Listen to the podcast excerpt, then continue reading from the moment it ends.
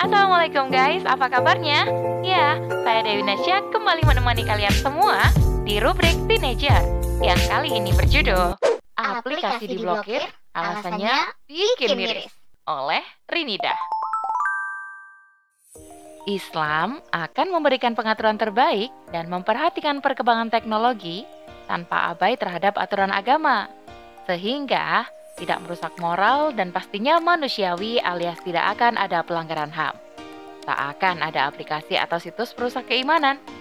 Teknologi dan media justru digunakan untuk meningkatkan iman dan takwa generasi muda Islam. Selengkapnya, jangan ke mana-mana ya guys. Tetap pantengin terus podcast Narasi Pos Media. Narasi Pos, cerdas dalam literasi media, bijak menangkap peristiwa kunci. Guys, balik lagi di rubrik kesayangan kita, Teenager. Tentunya hanya di narasipos.com. Kalian para pembaca udah pada tahu belum berita yang lagi viral di kalangan remaja? Terutama para konten kreator atau youtubers yang isi kontennya berbau games.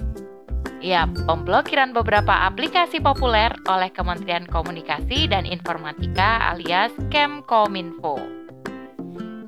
Tribunnews.com pada 30 Juli lalu memuat berita tentang alasan Kemkominfo yang resmi memblokir beberapa aplikasi dari hari Sabtu 30 Juli 2022. Aplikasi-aplikasi yang terblokir di antaranya adalah aplikasi Steam, Epic Games, dan Origin. Nah, ketiga aplikasi ini isinya tuh game-game online yang kebanyakan jadi bahan konten YouTubers ataupun game favoritnya anak muda zaman sekarang. Oleh karena dianggap merugikan para penggunanya, gak cuma para konten kreator dan youtubers yang melayangkan protes. Warganet juga ikut bersuara. Mulai dari ramainya tagar blokir Kominfo, hingga ada yang berani bikin petisi gugat Kominfo. Ada asap, pasti ada api dong ya. Ada akibat karena ada sebab. Segala sesuatu pasti ada faktor pemicunya ya guys. Alasan Kemkominfo memblokir beberapa aplikasi tersebut karena mereka belum mendaftarkan diri ke penyelenggara sistem elektronik atau PSE lingkup privat sampai waktu yang ditentukan. Dari Kominfo sendiri sudah mewanti-wanti kepada para pengelola sistem elektronik atau SE di seluruh Indonesia, lokal maupun asing, untuk segera mendaftarkan diri. Karena pendaftaran ini wajib dilakukan apalagi buat aplikasi populer yang penggunanya banyak seperti yang disebutkan sebelumnya. Mengapa pendaftaran PSE privat ini wajib?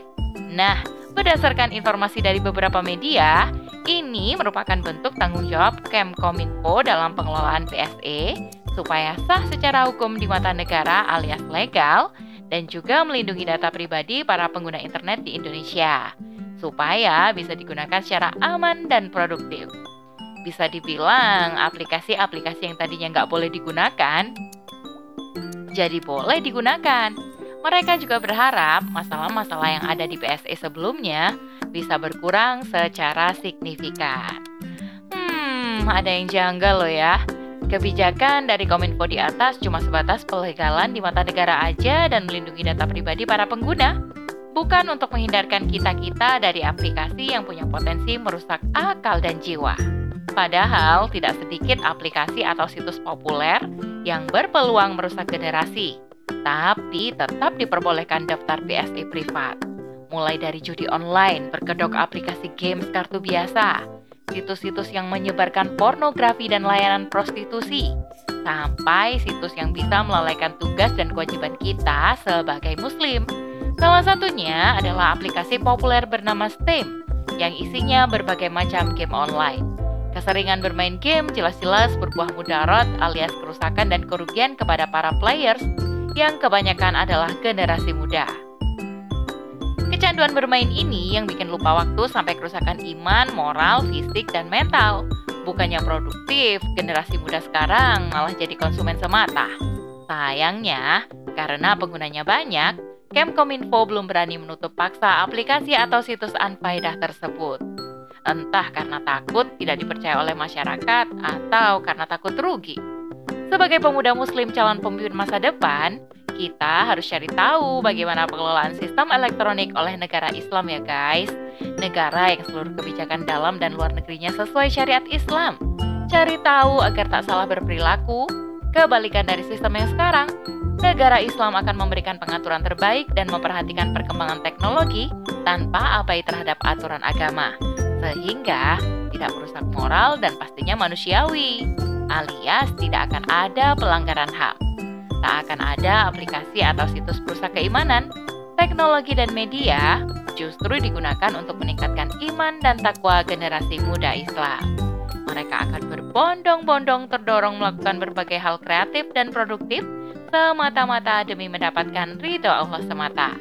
Nah, kalau ada aplikasi atau teknologi yang bertentangan dengan syariat, misalnya isinya merusak alias banyak mudaratnya, negara tak segan-segan memberikan sanksi pada pelakunya. Pasti langsung diberantas habis hingga akar-akarnya. Tidak menunggu netizen bertindak atau nunggu jatuh korban dan viral di media. Totalitas banget gak sih guys? Generasi mudanya terjaga banget karena negara yang sangat berperan, bukan baperan. Pengen deh ngerasain hidup di bawah naungan Islam. So, buat teman-teman yang juga mau merasakan indahnya hidup dalam negara Islam, jangan putus asa, ajak rekan-rekan ya. Juga ajak orang-orang terdekat kita agar belajar Islam dengan mendalam dan jangan lupa untuk didakwahkan. Oke okay guys, sebagaimana perintah Allah SWT dalam surah Ali Imran ayat 104, tentang amar ma'ruf nahi mungkar. Pemuda agen perubahan dan pemimpin masa depan yang gemilang harus punya bekal pengetahuan Islam biar tidak salah jalan. Oke? Okay? Segitu dulu ya guys rubrik teenager kali ini. Sampai bertemu di rubrik teenager selanjutnya. Saya Dewi Nasjak pamit undur diri. Assalamualaikum warahmatullahi wabarakatuh. See you.